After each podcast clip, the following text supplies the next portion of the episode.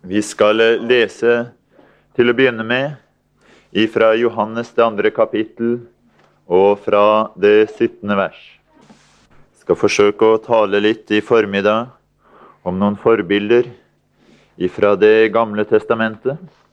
Det er ikke jeg noen ekspert på, det skulle vi heller hatt andre til å gjøre. Men eh, jeg får tro at Gud vil gi sin åpenbarelse og sin nåde. Så får du sitte bedende om at Herren må få frem det Han vil ha frem. Det står i det andre kapittel Johannes evangeliet, og fra det 17. vers.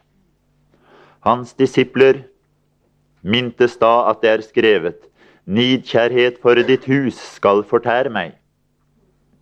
Jødene tok da til orde og sa til ham, Hva for et tegn viser du oss, siden du gjør dette? Jesus svarte og sa til dem, Bryt dette tempel ned, så skal jeg gjenreise det på tre dager. Jødene sa da til ham, i 46 år har det vært bygd på dette tempelet, og du ville reise det opp på tre dager. Men han talte om sitt legemes tempel. Da han var oppstått fra de døde, mintes hans disipler at han hadde sagt dette, og de trodde Skriften og det ord Jesus hadde sagt. Mens han nå var i Jerusalem i påsken, på høytiden, trodde mange på hans navn da de så de tegn han gjorde. Jesus snakker her om et tempel. Han snakker jo om sitt legemes tempel, det forsto de ikke. Men det han sier om dette tempel, er at bryt dette tempel ned, så skal jeg gjenreise det på tre dager. Han snakket om en tempel som skulle brytes ned, og som skulle gjenreises. Disiplene de kom til å huske et ord som står skrevet 'Nidkjærhet for ditt hus skal fortære meg'. Og Her ser vi at Jesus han er opptatt av et hus. Han er opptatt av et tempel. Det er det han snakker om her. Han omtaler jo sin død og sin oppstandelse, men han sier egentlig ikke noe om det. Han sier jo noe om det som er før, og om det som er etter. Om det tempel som var før, og om det tempel som er etter. Korset er det sentrale i den kristne tro. Det er sant nok. Men eh, Gud han ser ikke på korset som et endelig mål for hva han ønsker å oppnå. Det Jesus fremsetter her som målet, det er et hus. Det er et hus han er opptatt av. Han sier 'nidkjærhet for ditt hus skal fortære meg'. Det er dette huset han er opptatt av. Det er dette huset Gud er interessert i. Gud var ikke bare interessert i korset, men Gud er interessert i korset, for det er et middel som han kan frembringe sitt hus med. Vi ser her i det 19. verset, så sier han 'bryt dette tempel ned'. Og han talte om sitt legemes tempel. Så Jesu legeme, det var altså et tempel. Og han sier, 'Bryt dette tempel ned'. Jødene sa senere om ham at du som river dette tempel ned og bygger det opp igjen på tre dager. Men det var ikke det han sa. Han sa ikke at han skulle bryte dette tempel ned. Men eh, han sa til dem at 'bryt dette tempel ned'. Og det var det de gjorde. Jesu tempel ble brutt ned ved urettferdige menneskers hender. De drepte ham ikke sånn sett, for han sier at 'jeg har makt til å sette mitt liv til', og 'jeg har makt til å ta det igjen'. Men det var mennesker som brøt dette tempelet ned. Og så sier han videre Og eh, så skal jeg gjenreise det på tre dager. Han hadde et tempel, og dette skulle brytes ned av mennesker. Men så skulle det også gjenreises et tempel. Det var et tempel som Jesus var her på jorden, og det er et tempel som han også er etter sin gjenreisning, etter sin oppstandelse. Og som det står her, da han var oppstått fra de døde, mintes hans disipler at han hadde sagt dette. Når han snakker om tre dager, er det altså oppstandelsen han snakker om. Sin oppstandelse, hvor tempelet gjenreises. Jesu legeme, det var og det er en helligdom der Gud har tatt bolig. Vi skal slå opp i Matteus, det første kapittel og det første vers. Og der står det Ettertavle for Jesus Messias, Davids sønn Abrahams sønn. Det kommer en ettertavle.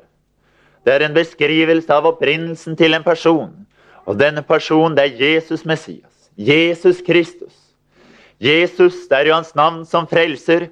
Det står i det 21. verset. Hun skal føde en sønn, og du skal gi ham navnet Jesus, for han skal frelse sitt folk fra deres synder. Han skulle ha navnet Jesus fordi han skulle frelse. Det var hans frelsesnavn så hadde han også navnet Messias, eller Kristus, som betyr den salvede. Det var hans herskernavn. Han var en konge. Han var den som var salvet. Han var frelseren, og han var Herren. Derfor så sier jo også engelen til hyrdene på marken at eder er i dag en frelser født, som er Kristus, Herren, i Davids stad. Det er født dere en frelser, som er Herren. Den de måtte ha tak i og lete etter, var han som var frelseren, og han som var Herren. Når Jesus presenteres, så er det som begge disse to. Han er frelseren, og han er Herren. Og så står det videre at han er Davids sønn, og han er Abrahams sønn.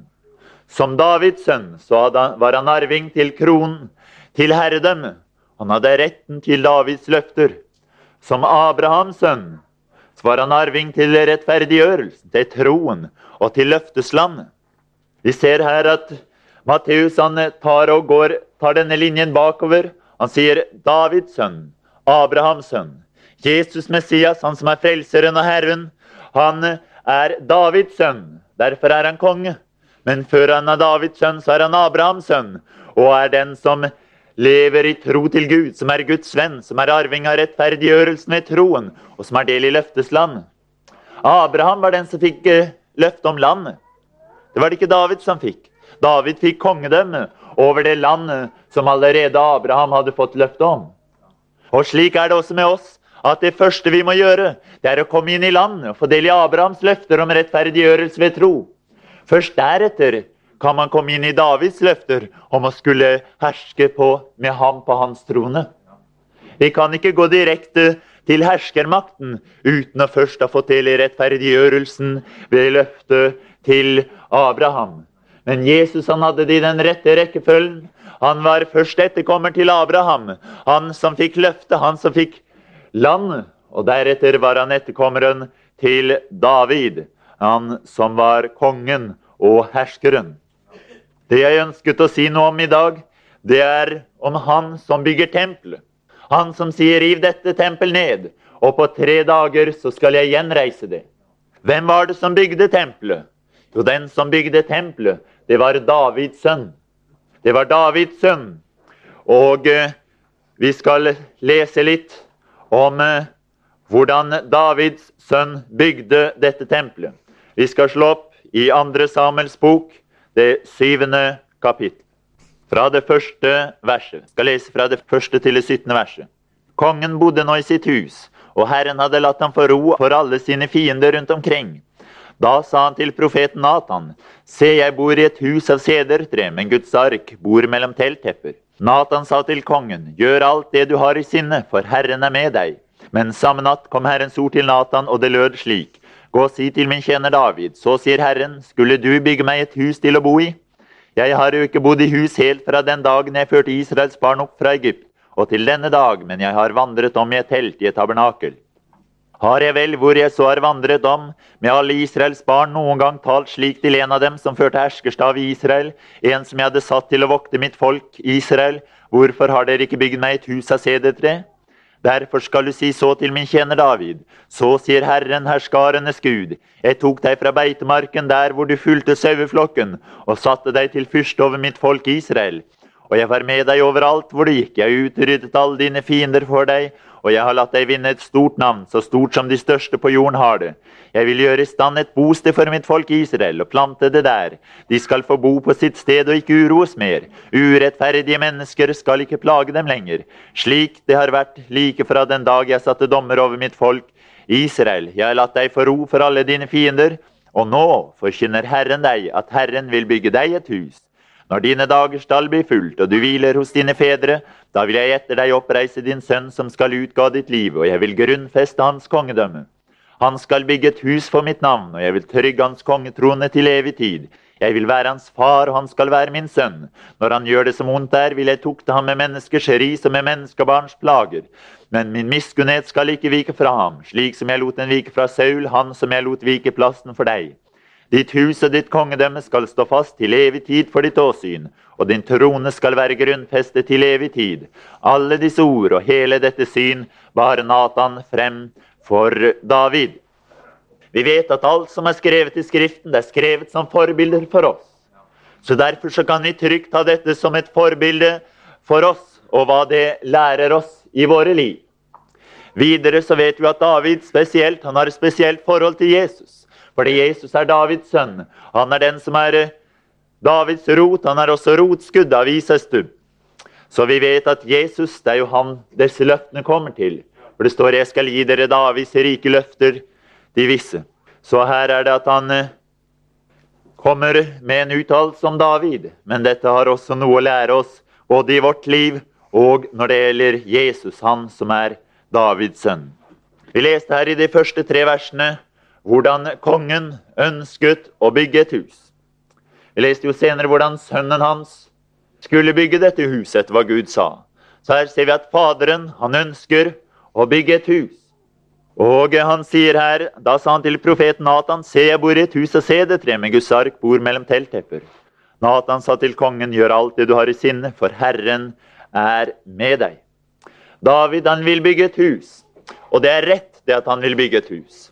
Profeten sier til ham at gjør alt det du har i sinne, for Herren er med deg. Denne profeten var ikke fullstendig på jordet når han sa det. Han kjente til Guds vilje og Guds plan, at Gud ønsker å bygge et tempel. Gud ønsker å ta ut et sted for hans navns skyld, et, en by hvor han ønsker å bo. Men det som han hadde glemt å gjøre, det var å spørre Herren om hvordan dette tempelet skal bygges. Det er ikke nok å vite at det skal bygges et tempel, at det skal bygges et tilbedelsessted for Herren. Det må også vites hvordan dette skal bygges. Gud har ikke bare bestemt hva som skal gjøres, han har bestemt hvordan det skal gjøres. Og det gjelder alle ting i våre liv. Gud har bestemt hva som skal gjøres, og Gud har bestemt hvordan det skal gjøres. Det nytter ikke bare å si at ja, jeg har lyst til å gjøre dette. Og det jeg har lyst til, er rett. Men spørsmålet er hvilken måte skal det gjøres på? Hvilken metode har Gud satt fram og sagt at dette er den måten mitt tempel skal bygges på? Gud vil ha et tempel, et sted hvor hans navn bor. Og Gud han har satt frem en måte som dette tempelet skal bygges på. Og alt som er i vårt liv, hva enten vi har en tjeneste, hva enten det gjelder vårt dagligliv, eller hva det er, så er det en bestemt måte det skal gjøres på. Gud han ønsker et folk som skal leve rent og hellig for seg. Men han har bestemt en bestemt måte det skal gjøre det på. Gud har bestemt et folk som skal være fylt av hans liv, som bruker hans nådegaver. Men Gud har bestemt en måte som disse skal brukes på. Gud har alltid en metode, og vi må holde oss til denne. Gud han har gitt oss bestemmelser. Vi har i, Bibelen det første Korinterbrev, det tolvte kapittel, hvor det står om nådegavene. Og så har vi det 14. kapittel hvor han forteller hvordan de skal brukes. Begge kapitler står i Skriften. Begge kapitler er like inspirert av Gud. Vi kan ikke bare ta det ene og si at jeg syns det er herlig å høre om disse nådegavene. Men vi må også ta det andre og si at slik er det nådegaven skal brukes. Vi må ikke bare ta det som handler om tungetale og si at jeg syns det er herlig med tungetale, så jeg vil at hele møtet skal være fylt med tungetale. Men vi må også ta med kapittel 14 hvor det står at av tunger de skal tale to eller tre. Ja, men jeg har også lyst til å tale i tunger én nummer fire. Ja, da skal du ikke tale. For Gud har bestemt en måte det skal gjøres på. Gud har bestemt en måte for alle ting. Og slik er det også når tempelet skal bygges. Så har Gud bestemt en måte som dette tempelet skal bygges på. David han ville bygge huset, men det skulle ikke bygges slik han hadde tenkt. Gud har nemlig bestemt en helt spesiell måte som hans tempel skal bygges på.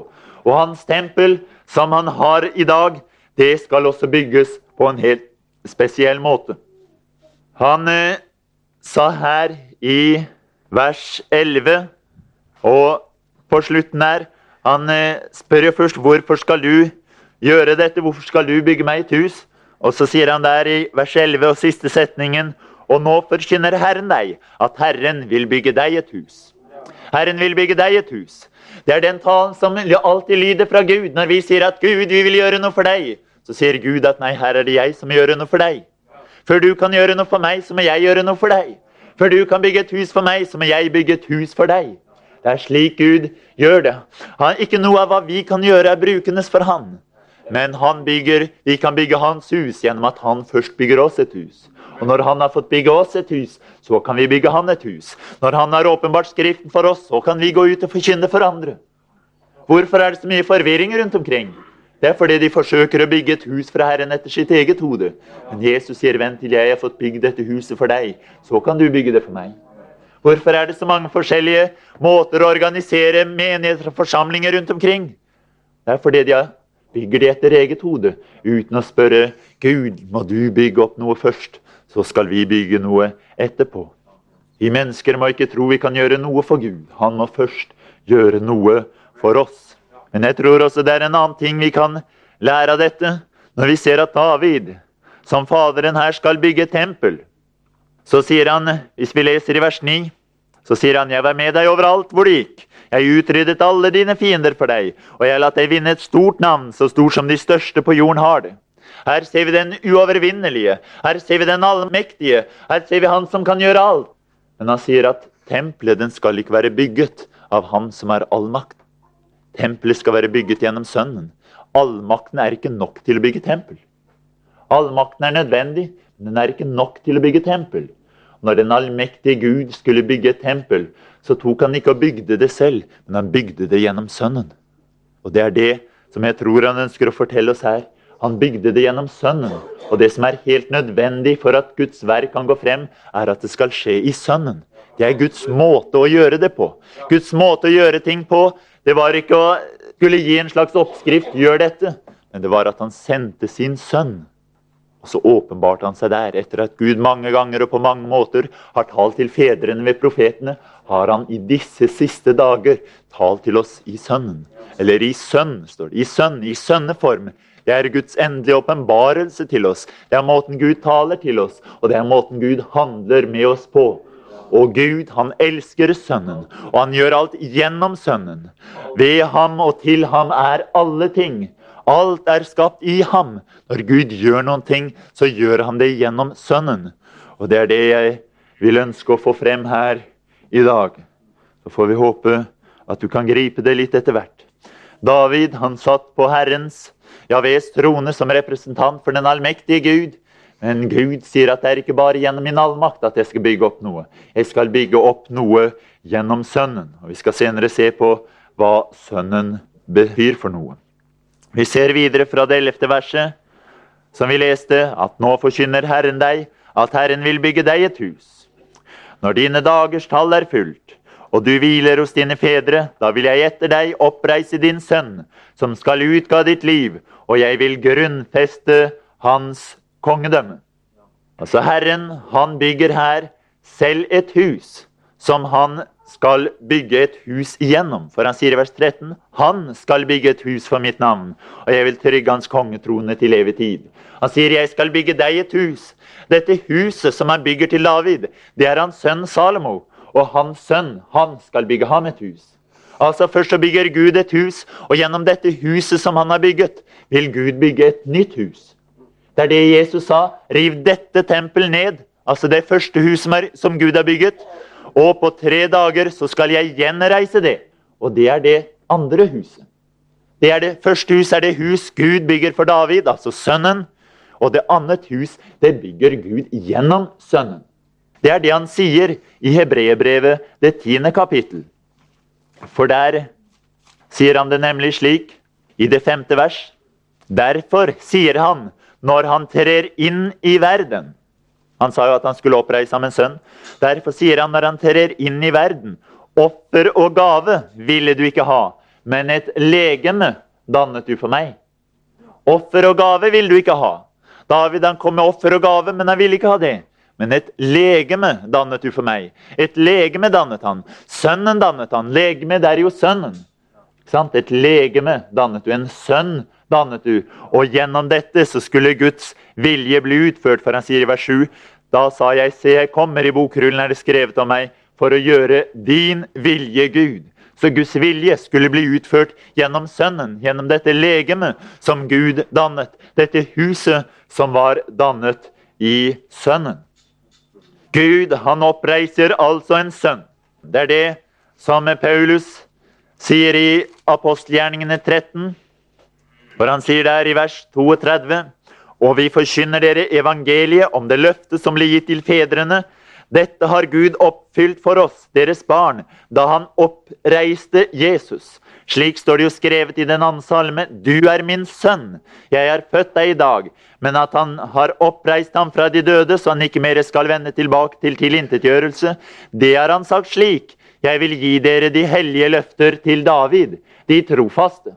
Så de løfter som er gitt til David, om at løftet om et hus bygget av Gud, som skulle bygge dette huset for Gud, dette løftet er altså overført på Jesus Kristus.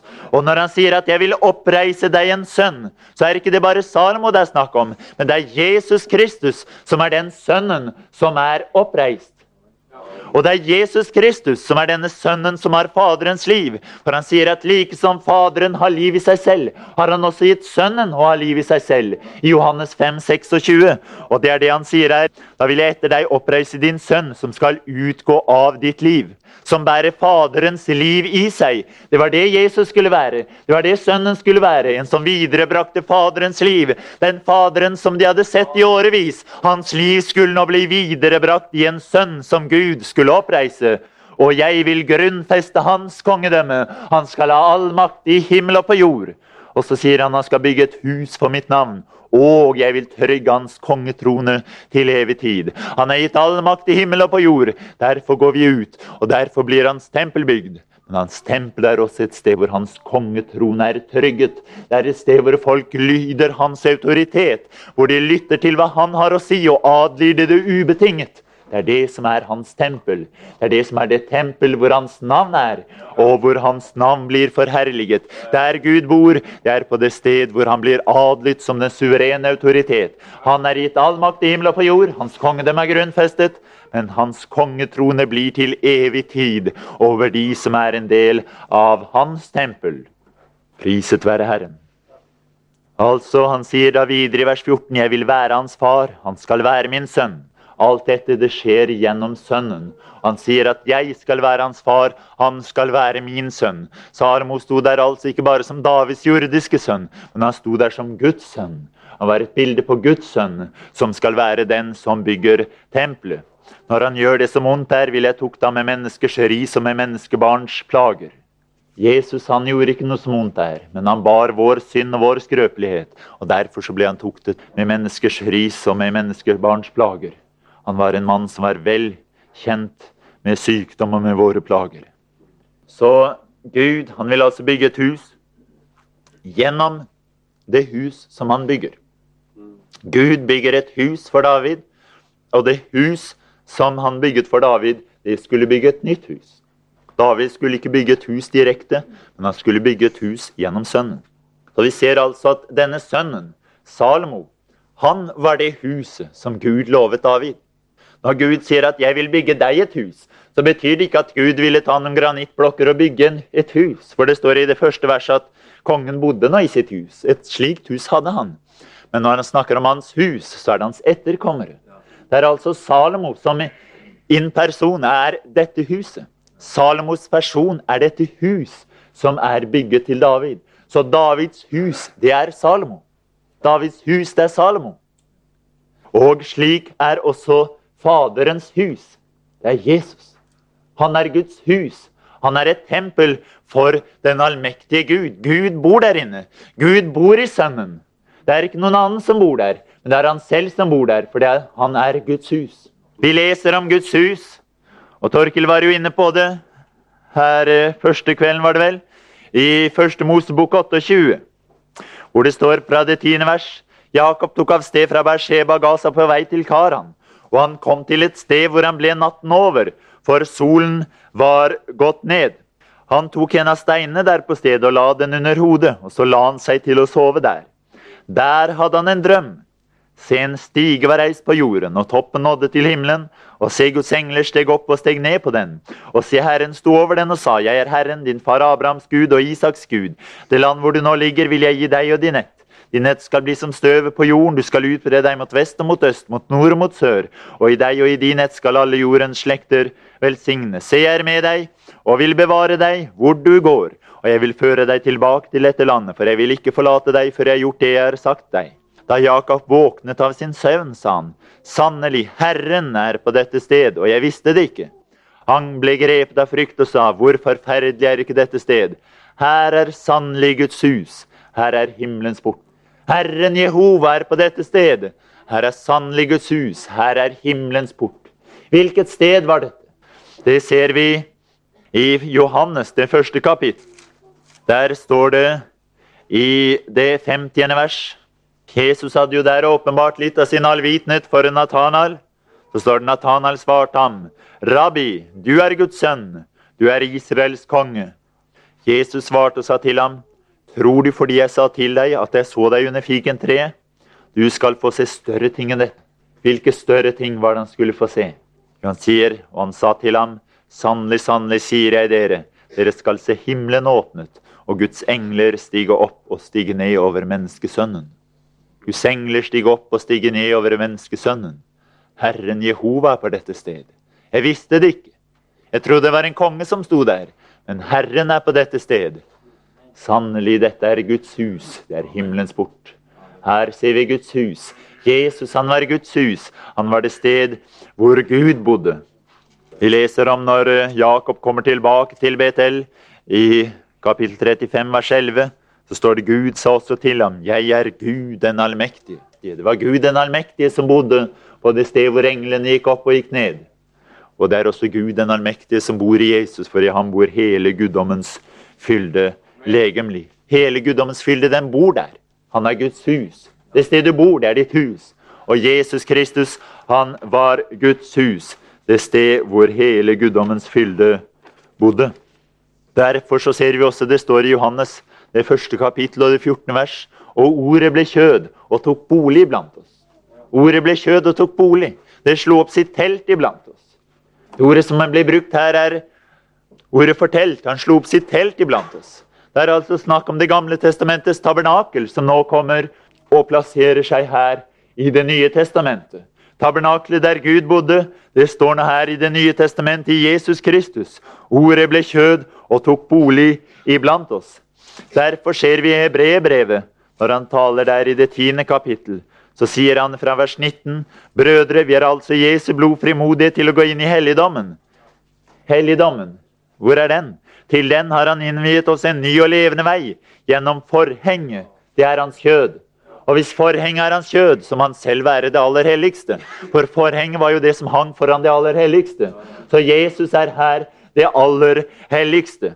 Jødene de hadde åpenbarelse over gudstjenesten, men de hadde ikke en så veldig stor åpenbarelse. Vi leser i det niende kapittelet i Hebreerbrevet. Nå hadde jo også den første pakt sine forskrifter for gudstjenesten, og den hadde sin jordiske helligdom. fra vers 1. For det var reist et telt, det forreste, og i dette var både lysestaken og bordet og skuebrødene. Det ble kalt det hellige, men bak det andre forhenget var det et telt som ble kalt det aller helligste. Utenfor der hadde jo forgården, og forgården hadde alle innblikk i. Men det hellige var det kun presten som hadde innblikk i. Og det aller helligste var det kun ypperste presten som en gang i året kunne skue inn i. Og når de fraktet tabernakel fra sted til sted, så tok de jo dette forhenget og la over arken.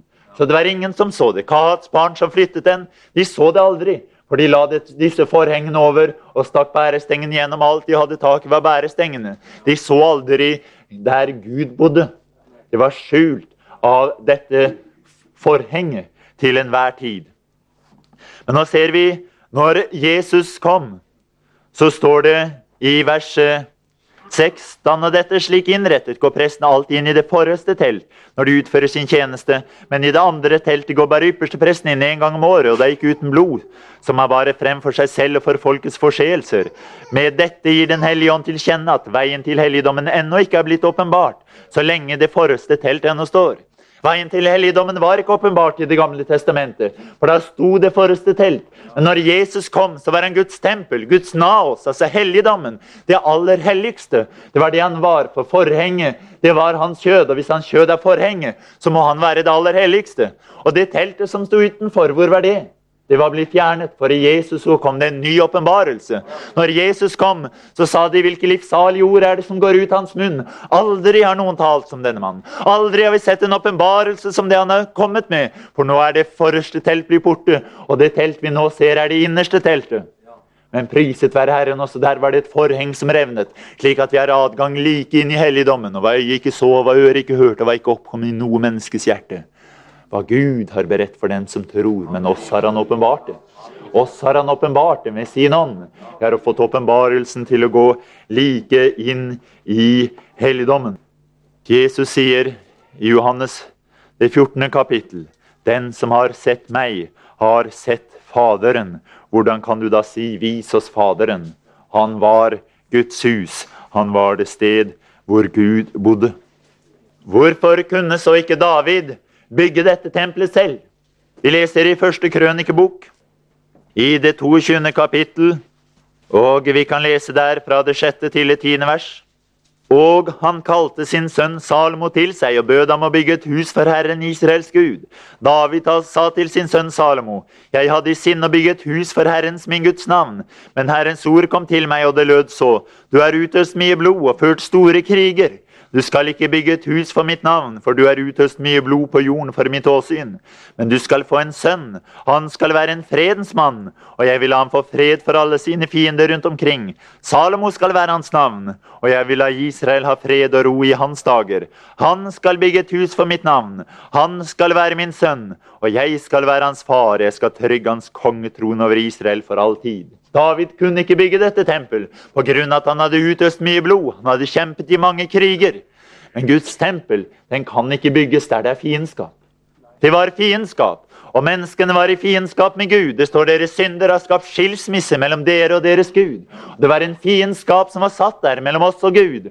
Og vi var forhatt, står det. Vi hatet hverandre. Det var et hat og en fiendskap som var satt der. Derfor så kunne ikke tempelet bli bygd. Men eh, når tempelet skulle bygges av sønnen, så var det fordi han skulle være en fredens mann. Salomo betyr jo fredsommelig. Den fredsommelige. Og sønnen, han er den fredsommelige. Han er nemlig den som stiftet fred. Han er den som skapte fred. Vi kan lese i Efeserbrevet, det andre kapittel. Så sier han der, i det 13. og 14. vers men nå, i Kristus Jesus, er dere som før var langt borte, kommet nær til ved Kristi blod. For Han er vår fred, Han som gjorde de to til ett og brøt ned det gjerdet som skilte dem, fiendskapet. Og var 16, og i ett legeme forliket dem begge med Gud ved korset. For der drepte han fiendskapet, og han kom og forkynte evangeliet om fred for den som var langt borte, og fred for dem som var nær ved. Så lenge vi var i krigstilstand, så lenge vi var i fiendskap, så kunne ikke Gud bygge et tempel hvor han kunne bo. Tempelet der Guds herlighet skulle være, kunne ikke bygges så lenge det var fiendskap. Men når fiendskapet ble drept, og når fredsfyrsten, fredens mann, kom inn, da var det tempelet kunne bygges. Tempelet kunne kun bygges av han som stiftet fred, han som forente de to i ett legeme på korset. Derfor så kunne tempelet bygges. For før det så var vi nemlig rundt i hvert vårt legeme. Men nå er vi forlikt med ham i ett legeme på korset. Og vi er der i dette ene legemet. Der var både du og jeg. Derfor er det at tempelet bygges der, for tempelet er hans legeme. Tempelet er hans legeme. Riv dette tempelet ned, og på tre dager skal jeg gjenreise det. Det var om sitt legemes tempel han talte. Så dette legemet hans var altså et tempel. Det var det når han gikk omkring her på jorden, så var det et tempel for Den hellige ånd. Det var et sted hvor Gud bodde. Og når han ble korsfestet, så var det fortsatt et tempel, for han sier 'riv dette tempel ned'. Så det var et tempel fortsatt som ble korsfestet. Og når han sto opp fra de døde, så var det fortsatt et tempel, for han sier 'jeg skal gjenreise det'. Jeg skal gjenreise tempelet.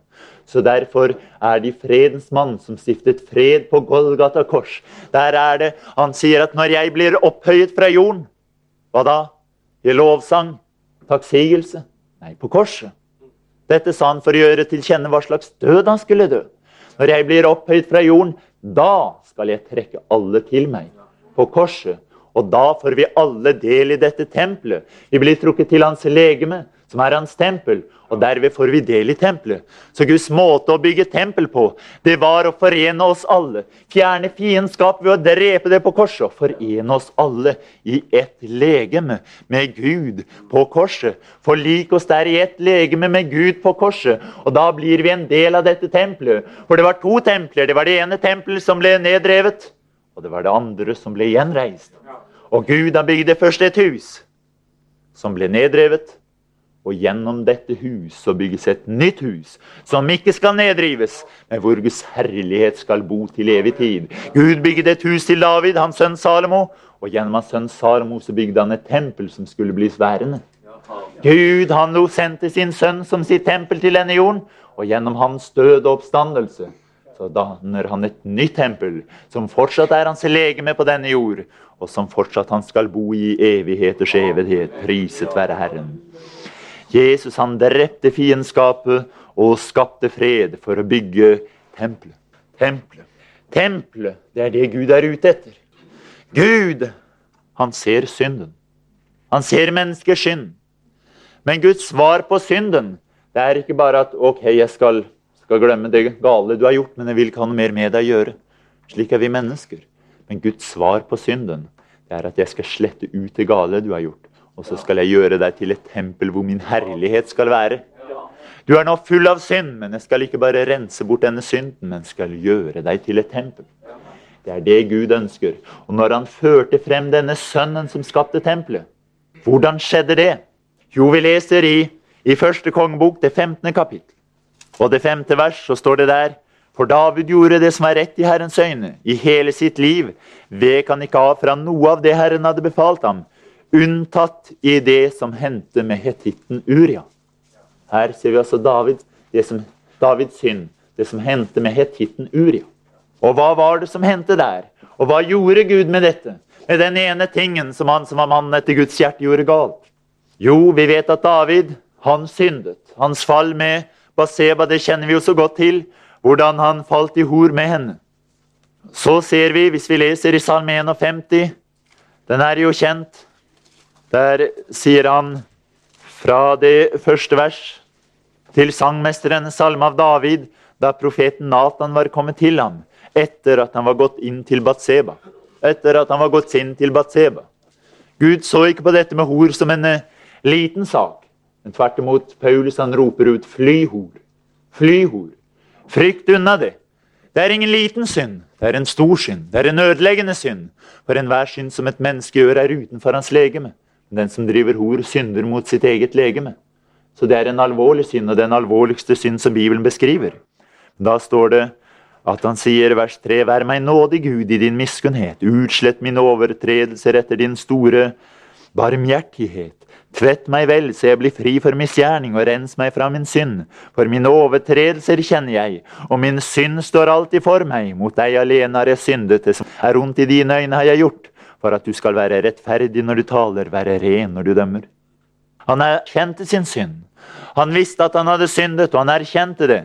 Han sier jo også de kjente verset i Salme 32 at da jeg tidde, ble mine ben bortært idet jeg stønnet hele dagen. For dag og natt lå din hånd tung på meg, min livsavs svant som i sommerens tørkesele. Jeg bekjente min synd for deg og skjulte ikke min skyld. Jeg sa jeg vil bekjenne mine misgjerninger for Herren, og du tok bort min syndeskyld, sele. Han erkjente sin synd. Han bekjente sin synd. Og da er det at noe skjer. Da er det at Gud begynner å gjøre et verk. Og det kan vi lese om i 2. Samuels bok, det 12. kapittel. Her har jo profeten Nathan vært inne hos David og forkynt ham hans synd. David har omvendt seg. Og da står det i vers 13.: Da sa David til Nathan, jeg er syndet mot Herren. Og Nathan sa til David, så skal også Herren bort av din synd. Du skal ikke dø. Men fordi du ved denne gjerning har gitt Herrens fiende grunn til å spotte, så skal også den sønnen du har fått, visselig dø. Her sier altså Gud at din synd skal bli deg forlatt. Men for at synden skal bli deg forlatt, så er det nødvendig at en død skjer. Og sønnen må dø. Sønnen må dø. Davids sønn måtte dø. Ja, men Gud har jo lovet at du skal bygge meg et hus. Ja, men sønnen må dø. For at dette hus skal bygges, så måtte sønnen dø. Først døde sønnen, før han ble oppreist. Så sønnen måtte dø som et resultat av Davids synd. Og Videre så leser vi her, så gikk Natan hjem igjen, og Herren slo barnet som David hadde fått med Urias hustru, så det ble sykt. Og David søkte Gud for barnets skyld. David faste strengt, han gikk inn og lå på jorden hele natten. De eldste i hans hus kom og ville reise ham opp fra jorden, men han ville ikke, og han åt ikke sammen med dem. På den sjuende dagen døde barnet. Men Davids tjenere torde ikke fortelle ham at barnet var dødt. De tenkte mens barnet var i live, talte vi til ham, men han hørte ikke på oss. Hvordan skal vi da nå kunne si til ham at barnet er dødt. Han kunne gjøre noe forferdelig. Da David så at tjenerne hvisket seg imellom, skjønte han at barnet var dødt. Han sa til sine tjenere, er barnet dødt? De svarte ja, han er død. Da sto David opp fra jorden og vasket seg og salvet seg og skiftet klær og gikk inn i Herrens hus og tilba. Så gikk han hjem igjen og ba om mat, og de satte frem mat for ham, og han åt. Her ser vi at som et resultat av synden så måtte sønnen dø. Sønnen måtte dø, og det var ikke mulig å få omstøtte. Det var ikke mulig å få omstøtte. David søkte Gud. Men det var ikke mulig å komme utenom sønnens død. David han fastet strengt, men det var ikke mulig å komme utenom sønnens død. David han gikk inn og lå på jorden hele natten, men det var ikke mulig å komme utenom sønnens død. Det var umulig å komme rundt det. Ingen angerens tårer befrir fra synd. Ingen bønn kunne rensende blod. Du kan be hvor mye du vil, men det befrir deg ikke fra synd. Du kan faste hvor mye du vil, men det befrir deg ikke fra synd. Du kan eh, ligge på bakken, du kan gjøre asketiske handlinger, det befrir deg ikke fra synd. Du kan begynne å leve et gudfryktig liv, men det befrir deg ikke fra synd. Men det eneste som befrir oss fra synden, det er Sønnens død. Og når Sønnen er død, så er man frigjort ifra synden. De skjønte ikke hva David holdt på med her, sa hans tjenere. Det står i vers 21. Da sa tjenerne til ham, hvordan er det du bærer deg at? Mens barnet var i live, fastet du og gråt for ham. Men nå når barnet er dødt, står du opp og eter. Han svarte, så lenge barnet var i live, fastet jeg og gråt, for jeg tenkte, hvem vet om ikke Herren forbarmer seg over ham så barnet blir i live. Men nå som han er død, hvorfor skulle jeg nå faste? Kan jeg hente ham tilbake igjen? Jeg går til ham, men han vender ikke tilbake til meg. David hadde tross alt forstått noe. Dette barnets død er ikke noe å gråte over etterpå. Og Jesu død er heller ikke noe å gråte over. Jesus sa til kvinnen som gråt over ham, at gråt ikke over meg, men gråt over dere selv og deres barn. Gråt ikke over meg, tvert imot, dette er dagen som Herren har gjort. La oss fryde og glede oss på den. La oss glede oss over denne dagen. For den sønnen som er død, han skal bevirke en sønn som lever. Når sønnen døde, så var det noe som var nødvendig for at sønnen skulle stå opp fra de døde. Jesus ikke bare døde, han sto opp igjen fra de døde. Og denne sønnen til David, han døde. Men tempelet skulle bli bygget ikke gjennom sønnen som døde, men gjennom sønnen som sto opp igjen. Ja, men skal du ikke bygge meg et hus, Gud, og nå dør sønnen? Ja, men du skjønner at dette huset blir bygd ved at sønnen dør, og så står sønnen opp igjen. Priset være Herren. Denne sønnen som døde, sto ikke opp igjen, for han var et forbilde og et vanlig menneske. Men vi leser i vers 24. David trøstet Batseba sin hustru, og han gikk inn til henne og lå hos henne. Hun fødte en sønn. Hun fødte en sønn som han kalte Salomo. Fred. Og Herren elsket ham han sendte bud med profeten Natan, og han kalte ham Jedidja, for Herrens skyld. Her sier vi, her kommer det en sønn. Sønnen er død, men sønnen lever. Sønnen er død, men det ble født en ny sønn som står opp fra de døde. Det var en sønn som døde, og det var en sønn som sto opp igjen. Og Guds hus det ble bygd gjennom en sønn som dør for å bygge det nye huset ved sin oppstandelse. Og det er der at dette huset blir bygd gjennom den sønnen som står opp igjen. Gjennom den sønnen som får livet, er det at dette tempelet blir bygd. David kalte ham Salomo. Han kalte ham fred. For når vi er rettferdiggjort av tro, har vi fred med Gud. Men profeten Natan, som hadde Herrens åpenbarelse i litt større mål, han kalte ham Jedidja. Herrens elskede. Jedidja. Den Herren elsker, for han visste at dette er det Gud elsker. Dette er det Gud ønsker å bringe frem. Dette er det Gud har sett etter hele tiden. Den sønnen som ikke har dødd, men som har stått opp igjen. Den sønnen som nå bringer Guds liv videre. Den sønnen som skal bringe frem Herrens tempel. Det er den sønnen Gud elsker. Gud, han elsker sønnekåret. Priset være Herren. Og det fortsetter vi på i morgen. Herren elsker sønnekåret. Herren elsker sønnen. Herren elsker sønnen. Dette er min sønn, den elskede. I ham har jeg velbehag. Det er ikke sikkert mennesker har velbehag i ham, men Gud har velbehag i ham og kaller ham Jedidja. Jedidja, den som Herren elsker. Priset være Herren. Her er det Herrens elskede. Herren elsker tempelbyggeren. Priset være Herren. Herren elsker tempelbyggeren. Herren er nemlig ute etter templer. Herren er ikke bare ute etter forrådskamre. Herren er ikke bare ute etter steinbrudd og steinhauger. Herren er ute etter noen som bygger et tempel. Det er det Herren elsker. Vi må være med å bygge dette tempelet. Det er det Gud elsker. Gud elsker en åpenbarelse. Folk som har den åpenbarelse at de bygger templer. Det er det Gud elsker. Noen som er villig til å bygge det tempel Herren har. Ikke som er fornøyd bare med en steinrøys, men vet at her skal det legges sten på sten. Sten ved siden av sten til det står et ferdig tempel. Priset være Herren. Det er den åpenbarelse som Gud ønsker å bringe frem. Det er det folket Herren elsker. Og Herren kaller ham Jedidja. Herren elsker Sønnen, for Sønnen skal brygge frem Herrens tempel. Sønnen er den som bringer frem Herrens hus, der Gud selv bor. Derfor elsker Gud Sønnen. Priset være Herren. Priset være Herren. Vi leser Salme 127, vers 2. Det er jo, vi kan ta fra vers 1, en sang ved festreisende av Salomo. Her er det Salomo selv som skriver. Og han sier der dersom Herren ikke bygger huset, arbeider bygningsmennene forgjeves. Han forsøkte å fortelle dem at 'jeg bygger et hus her', men dersom Herren ikke bygger huset, så bygger bygningsmennene forgjeves, for det her skal bare være et bilde på det hus som Herren vil bygge. Og så sier han her, dersom Herren ikke vokter byen, våker vekteren forgjeves. Forgjeves står dere tidlig opp, setter dere sent ned, eter slitets brød. Det samme gir han sin venn mens han sover. Forgjeves, sier han når dere sliter. Forgjeves, David, har du slitt. Du tenkte du skulle bygge et hus for meg av ditt eget slit, men forgjeves sliter du. Det samme gir han sin venn i søvne. Det samme ga han sin venn i søvne. Den elskede. Det er jo det samme ordet som er brukt her i. Salmo var jo Jedidja, Herrens elskede. Han visste det samme gir han i søvne. Det samme ga han gjennom søvnen. Og det samme ga han også til sin elskede sønn Jesus Kristus. Når han gikk inn i dødens søvn, så ga han ham å bygge dette tempelet ved Herren. Dersom Herren ikke bygger huset, arbeider bygningsmennene forgjeves. Mange de vil forsøke å bygge et hus ut fra Jesu gjerninger. De ser på Jesu liv og sier at han er et godt forbilde. Han var en stor lærer. Han var en stor morallærer. Vi må lære hans etikk, hans moral. Men du bygger huset forgjeves. Men det samme ga han sin venn, sin elskede. Ga han dette tempelet gjennom dødens søvn, hvor dette tempelet ble bygget, og hvor det ble resultatet av hans døde oppstandelse. Adam fikk sin brud ikke ved sitt eget strev, men når han sov. Når han stovnet, så ga Gud ham bruden. Dermed så ser vi altså at blodsutgytelsen er slutt. David hadde utgitt mye blod, men nå er blodsutgytelsen slutt, for sønnen har dødt. Og jeg skal ikke dø. Han tok straffen, og jeg skal ikke straffes.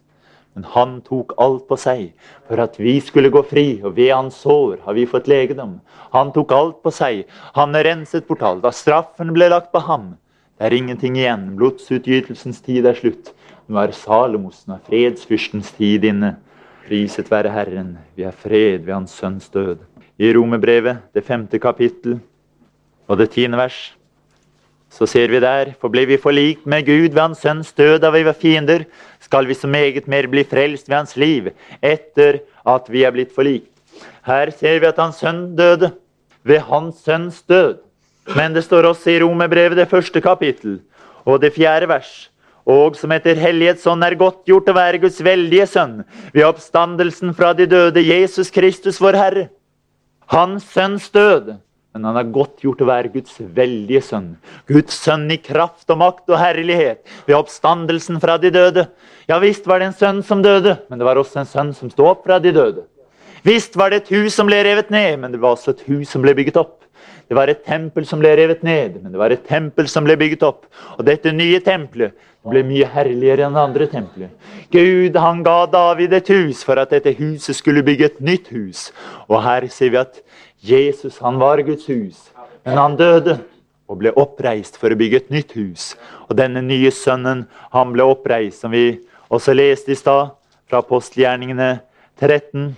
Dette har Gud oppfylt for oss, deres barn, da han oppreiste Jesus. Slik står det jo skrevet i den andre salmen. Du er min sønn. Jeg er født deg i dag, men at han har oppreist ham fra de døde. Priset være Herren. Han oppreiste Sønnen. Ved oppstandelsen fra de døde så var det en sønn som ble oppreist, som han skal bygge sitt tempel igjennom. Vi slår opp i første krønikebok 22 og de første fem versene. Og David sa, her skal Herren Guds hus stå, og her skal alteret for Israels brennoffer være. David befalte at de fremmede som bodde i Israels land, skulle kalles sammen, og han satte steinhoggere til å hogge til steinene som Guds hus skulle bygges av. David samlet en mengde jern til nagler i portørene og til kramper og så mye kobber at det ikke kunne veies. Han samlet så mye sedertre at det ikke var tall på det, for sidonierne og tyrierne førte en mengde sedertre til David. For David tenkte min sønn Salomo er ung og veik, og Huset som skal bygges for Herren, må gjøres så stort at det kan være til pris og ære for ham i alle land. Derfor vil jeg samle forråd for ham. Så samlet David store forråd før sin død. Og første krønikebok 29, vers 1-5. Deretter sa kong David til alle dem som var kommet sammen, Salomo min sønn, den eneste som Gud har utvalgt, er ung og veik, og arbeidet er stort. For den herlige bygningen skal ikke være for et menneske, men for Herren Gud. Av all min kraft har jeg samlet sammen for min Guds hus. Gull til det som skal være av gull, og sølv til det som skal være av sølv, og kobber til det som skal være av kobber, og jern til det som skal være av jern, og tre til det som skal være av tre. Dessuten onyksstener og andre edelstener, stener til innfatning, sorte glansstener og brokete stener. Alle slags dyre stener og en mengde marmor. Og fordi jeg har min Guds hus kjært, vil jeg også gi det jeg eier av gull og sølv til min Guds hus, foruten alt jeg har samlet sammen til det hellige huset. 3000 talenter gull, gull fra Ofir og 7000 talenter renset sølv til å kle veggene i huset med, så det kan være nok av gull og sølv til alt det som skal være av gull og sølv, og til alle slags arbeid som kunstnere skal utføre. Her ser vi at David han hadde samlet forråd. Han sier 'min sønn, han er ung og veik'. Så Derfor så samlet han forråd. Slik står det også om Jesus. Han ble korsfestet i skrøpelighet. Det så skrøp ut, det så veikt ut. Men i denne skrøpelige og veike så var det en rikdom. Salomo han var ung og veik, men i denne unge og veike Salomo så lå det en rikdom. Folk kunne kanskje komme til Salomo og se på ham og si at han der det er jo bare ungdommen, hvordan skal han kunne bygge et tempel? Se på han der, han er jo så veik og så svak, hvordan skal han kunne bygge et tempel? Men du skjønner, denne unge, veike sønnen han var utrustet med all den rikdom som faderen hadde. For hele tiden så hadde faderen samlet opp rikdom. Samlet opp rikdom, samlet opp rikdom. Og nå tok faderen all denne rikdom og samlet den sammen i sønnen. Og la det over i Salomo. Og Salomo var innehaver av alle faderens rikdommer. Hva er det det står om Jesus? I ham bor hele guddommens fylde legemlig. Hva er det det står om ham? Han har velsignet oss med all åndelig velsignelse i himmelen, i Kristus Jesus. All velsignelse som Faderen har hatt og noen gang har hatt. Det var samlet sammen og plassert i Jesus Kristus for at han skal bygge tempel. Gud sa at jeg ville bygge et tempel gjennom min sønn. Og denne sønnen han vil jeg utruste med all min guddommelighet. Han vil jeg utruste med hele min fylde. Det var Guds vilje at hele hans fylde skulle ta bolig i ham. Kolonsenserne 1,19. Guds vilje at hele hans fylde skulle ta bolig i sønnen. Når Jesus Kristus gikk omkring her på jorden, så kunne de kanskje si at Se han der, han ser jo så veik ut. Han ser så ung ut. Kan han ha noen ting? Ja, han har hele Faderens fylde. Han har alle Faderens rikdommer i seg. Når han hang der på korset, se så veik han ser ut. Ja, men han har alle Faderens rikdommer i seg. Gud har bare samlet opp og samlet opp av sine rikdommer. Han har plassert i Sønnen, slik at Sønnen han bærer med seg alle rikdommer som Faderen har. Disse rikdommene Ja, men David, når du har så mange rikdommer, skal du da ikke bygge et tempel? Nei, tempelet skal bygges i Sønnen. Og alle disse rikdommene den får du kun del i når du får del i Sønnen. Ja, men hvordan kan han ha så mye rikdom? Jeg har jo ikke sett de før. Nei, Den rikdommen har du ikke sett, for de har jeg lagt opp i mine forrådskamre. Og det åpenbares først gjennom Sønnen. Han sier nemlig fortsatt i Efeserbrevet, i det tredje kapittel, og eh, fra det åttende til ellevte vers. Til meg, den minste av alle de hellige, ble det nåde gitt å forkynne hedningen evangeliet om Kristi uransakelige rikdom. Den som ingen kunne tro og se på ham. Kristi uransakelige rikdom og opplyse alle om hvordan husholdningen er med denne hemmelighet, som har vært skjult fra evige tider i Gud, Han som har skapt alt. Slik skulle Guds mangfoldige visdom nå gjennom menigheten bli kunngjort for makten og myndigheten i himmelen. Dette var hans forsett fra evige tider, som han fullførte i Kristus Jesus, vår Herre. Fra evige tider har han bare samlet opp rikdommer som åpenbares i Jesus Kristus. Kristi uransakelige rikdommer, som alle vi får del i, som har del i Hans Sønn, Jesus Kristus. Priset være Herren. Det var Guds vilje å la hele sin fylde ta bolig i ham. Alle Guds sider, alle Guds egenskaper, alt hva Gud hadde, det tok bolig i ham. Og Derfor så står det i 1. Johannes brev, det andre kapittel, og eh, det 23. vers. Hver den som fornekter Sønnen, har heller ikke Faderen. Den som bekjenner Sønnen, har også Faderen. Hvordan kan det ha seg? Fordi Faderen er i Sønnen. Fordi hele Faderens fylde er i Sønnen. Så hvis du leter etter Faderen, så finner de ikke. Fordi han har plassert alt i Sønnen. Hvis du derimot får, det, får tak i Sønnen, så får du del i alt hva Faderen har. Noen som sier til oss at dere fornekter Sønnen, eller ikke Faderen. Eller omvendt, alt ettersom de finner det for godt. Men du skjønner det at det nytter ikke å søke Faderen uavhengig av Sønnen. Om noen skulle komme til Salomo og si at nei, jeg er ikke interessert i Sønnen, jeg går etter Faderen, så ville de ikke finne Faderen. Men hvis noen kom til Salomo og sa at jeg ønsker å få del i hva Sønnen har, så ville han se Faderens rikdommer. For det var Faderens rikdommer som var i Salomos skattkammer. Sønnen som du så, han hadde alle Faderens rikdommer. Og sønnen som vi ser, Jesus Kristus, han er utrustet med alle Faderens rikdommer. Så når vi er Sønnen, så er vi Faderen. Har du ikke Sønnen, fornekter du Sønnen, har du heller ikke Faderen. Da har du ingen av Faderens rikdommer, for de er flyttet over i Sønnens forholdskammer. Men har du Sønnen, da har du Faderen, da har du alle hans rikdommer.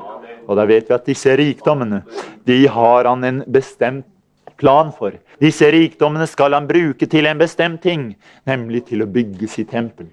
Alt det Gud har utrustet ham med av åndelige rikdommer, alle Gud velsignes i himmelen i Kristus Jesus, det er der Kristi uransakelige rikdommer for at det skal bygges et tempel, for at et nytt tempel skal reises. Så leser vi i det 22. kapittelet første krønikebok og det 14. verset.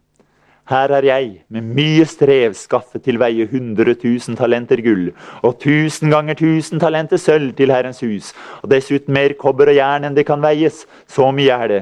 Tre og stein har jeg samlet, og mer kan du selv legge til. Mer kan du selv legge til. Finnes det noe mer enn Faderens uransakelige rikdommer? Ja, det finnes noe mer, for Jesus har lagt til noe til. Hva er det Jesus har lagt til? For han har lagt til sitt blod på Golgata. Det har han lagt til. Han har lagt til en ypperste prestlig tjeneste. Det har han lagt til. For en sådan ypperste prest måtte vi ha. En slik som han. Og hvordan er han? Jo, han sier i hebreerne Vi kan ta i hebreerne det andre kapittel. Og eh, det 14. vers. Da når barn har del i kjød og blod, fikk også han på samme vis del i det, for at han ved døden skulle gjøre til intet den som hadde dødens velde, det er djevelen, og utfri alle dem som har frykt for døden, var i trelldom hele sitt livstid. For det var jo ikke engler han tar seg av, men Abrahams ett tar han seg av. Han sier i vers 10.: Da han førte mange barn til herlighet, sømmet det seg for ham som alt er til for og alt er til ved, å fullende deres frelses høvding gjennom lidelser. Det trengtes en fullendelse til. Han la mere til. Han la sine lidelser til. Han la sin menneskelighet til. Han la sin forståelse for våre problemer og vanskeligheter til. For Det står i kapittel 4 vers 15.: For vi har ikke en ypperste prest som ikke kan ha medlidenhet med oss i vår svakhet, men en som er prøvet i alt i likhet med oss, men uten synd. Det var noe han la til. Det var noe han la til. Alle allmaktens Guds uransakelige rikdommer er satt i Jesus Kristus. Men han la noe til. Han la til en menneskelighet, han la til en forståelse for våre problemer. Han la til en forsoning, han la til et blod som utfridde oss. Alt dette la han til. Og hva mer kan vi da be om? Han som ikke svarte sin egen sønn, men ga ham for oss alle. Hvorledes skal han kunne annet enn gi oss alle ting med ham? Alle ting som han hadde i kraft av sin guddommelige majestet. Alle ting som han oppnådde som et resultat av et liv i kjøtt og blod her på jorden. Alle ting som han oppnådde når han lot seg korsfeste på et kors på Golgata. Alle ting, alle disse tingene har han lagt til for at vi skal få del i en rikdom som er så ufattelig, som er så altomfattende, at det er ikke mulig å peke på en eneste mangel. Du kunne peke på Gud og si at du forstår kanskje ikke hvordan vi mennesker har det. Jobb sa jo det at han er ikke et menneske som jeg. Hvor er det en voldgiftsmann som kan gå imellom og legge hånden på oss begge? Men det går ikke an å si det lenger, for nå er han et menneske som oss. Nå er Jesus Kristus kommet og har opplevd alt. Han har alt av guddommelighet, han har alt av menneskelighet. Det er ikke noe igjen som han ikke har. Priset være Herren. Og alle disse sine rikdommer, det investerer han i tempelet. Det var nødvendig. Gud bygde tempelet på den måten. For Gud er nemlig interessert i å få sitt liv inn i oss mennesker. Men det er ikke mulig for Gud å få sitt liv inn i oss mennesker. Fordi vi mennesker er så helt forskjellige fra ham. Vi kan ikke ta imot det som er av ham. Derfor så lærer han å si lignelsen om vintreet. Sier jeg er vintreet, dere er grenene. Dere er grenene. Men hvem er da roten? Jesus er hele vintreet, men han er roten spesielt. Han som er både Gud og menneske. Han er den som kan formidle fra Gud til menneskene. Derfor, siden vi er grener, så måtte han bli roten. Han måtte ha del i samme tre som det vi har, for at han skulle formidle saften. Faderen er vingårdsmann, står det, men faderen klarte ikke å få sin saft inn i disse grenene. Han benyttet en rot til å gjøre det. Og Det er det vi også lærer i denne lignelsen, at David Han kunne ikke bygge tempelet selv, men det var Sønnen som skulle bygge det. For Sønnen er den som i kraft av sin menneskelighet er blitt til en ånd som gir liv til hver eneste en av oss, og som kan komme inn i oss og gi det vi trenger til. Vi kunne ikke plasseres inn i ham uten at han var et menneske. Men takket være det han var og oppnådde som menneske, er det mulig for alle Faderens rikdommer å gå fra Faderen som er vingårdsmannen, og ut i grenene hvor det skal bære frukt. Det var måten Gud gjorde det på. Det var måten det var nødvendig at det skulle gjøres på. Gud kunne ikke bare bygge et tempel uten videre, men han måtte gjøre det på denne måten. Han måtte gå gjennom Sønnen for å bygge sitt hus, som er hans tempel. Dette tempelet det skulle ikke bygges hvordan som helst. Det skulle bygges etter forordninger som var gudgitte. Og Derfor så var det nødvendig også at Salomo han måtte være en vis mann som skulle gjøre alt dette. Og Gud utrustet han med visdom. På samme måte som Jesus har Guds kraft og Guds visdom, så står det om Salomo at det aldri har vært en mann så vis som ham. Han hadde den visdom som skulle til for å bygge Guds tempel. Og Salomo Vi ser hvis vi leser i første kongebok, det andre kapittel, så ser vi der Davids avskjedstale til sønnen. Da det led mot den tiden at David skulle dø, bød han sin sønn Sarum og sa, Jeg går all jordens vei. Nå må du være sterk, vær en mann. Ta vare på det som Herren din Gud har pålagt oss. Vandre på hans veier og holde hans forskrifter, hans bud, hans lover, hans vitnesbyrd, som det er skrevet i Moselov, så du kan gå klokt og rett fram i alt det du gjør, og i alt det du gir deg i ferd med. Han skulle oppfylle loven som Jesus oppfylte den. For at Herren må oppfylle sitt ord, det som han talte til meg da han sa dersom din sønner akter vel på sin vei, så de vandrer for mitt åsyn i sannhet, av hele sitt hjerte, av hele sin sjel, så skal det aldri mangle en mann av din ett på Israels trone så går han over til å beskrive noen personer nedover her. Han sier, du vet hva Joab, Seruyas sønn, har gjort mot meg. Hva han har gjort mot begge Israels hærfører, Abner Nersjønn og Amasa, Jetersjønn. Han drepte dem og utøste blod i fredstid, som om det var krig. Han lot det komme blod på beltet han hadde om livet, og på skoene han hadde på føttene, som om det var krig. Gjøre derfor som din visdom lærer deg, og la ikke hans grå hår fare med fred ned i dødsriket. Men Gileaditten Barzilais sønner skal gjøre vel imot. Det skal være blant dem som eter ved ditt bord, for på samme måte gjorde de mot meg da jeg flyktet for din bror Absalom. Så har du også benjaminitten Simi fra Bahurim, sønn av Gera, hos deg. Det var han som bannet meg så stygt den dagen jeg dro til Mahanaim, men siden kom han meg i møte ned til Jordan, og jeg lovte ham da ved, da ved Herren og sverget, jeg skal ikke la deg dø for sverdet, men la ham nå ikke bli ustraffet. Du er en vis mann og vil nok vite hva du skal gjøre med ham, så du lar hans grå hår faren med blod ned i dødsriket. Så la David seg til hvile hos sine fedre og ble begravet i, sin, i Davids stad. Hva var det siste David ga beskjed om?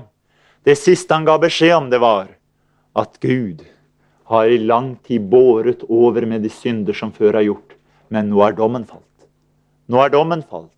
Nå bæres det ikke lenger over med syndene, men dommen har falt. Og hvordan skal vi unnfly om vi ikke akter så stor en frelse? Dommen er falt. Og det er mulighet for å bli fri. Det er også mulighet for å bli dømt. Nå bærer ikke Gud over lenger. Når ordet går ut, så er det opp til oss. Vil vi ta imot denne store frelse? Vil vi ta imot dette han har gjort? At han ikke bare har fridd oss fra synden, men at han vil innvie oss til templer for seg? At han vil bygge et tempel for den levende, allmektige Gud? Eller vil vi det ikke? Herren bærer ikke over med synden lenger. Han har gjort det lenge nok. Så lenge det ikke var noen soning for synden, så bar han over med den. Men nå har døden funnet sted. Da har Jesus Kristus oppstått, og det nye tempelet er der. Da bærer han ikke over med det lenger. Da er det opp til oss. Vil jeg ta imot ham og hans frelse? Vil jeg ta imot ham så til de grader at han blir min herre, min uinnskrenkede herre, som jeg lar regjere, og lar hans rike og hans trone bli sterkt i dette tempel? Eller vil jeg forkaste ham? I så tilfelle lyder dommen, for Sønnen er også dommer over levende og døde. Han er vår frelser, og han er dommer. Han har gitt ham makt til å holde dom fordi han er menneskesønn. Som sønnen så bygger han tempelet. Som sønnen så holder han dom. Og det er opp til oss hva vi skal få del i. Amen.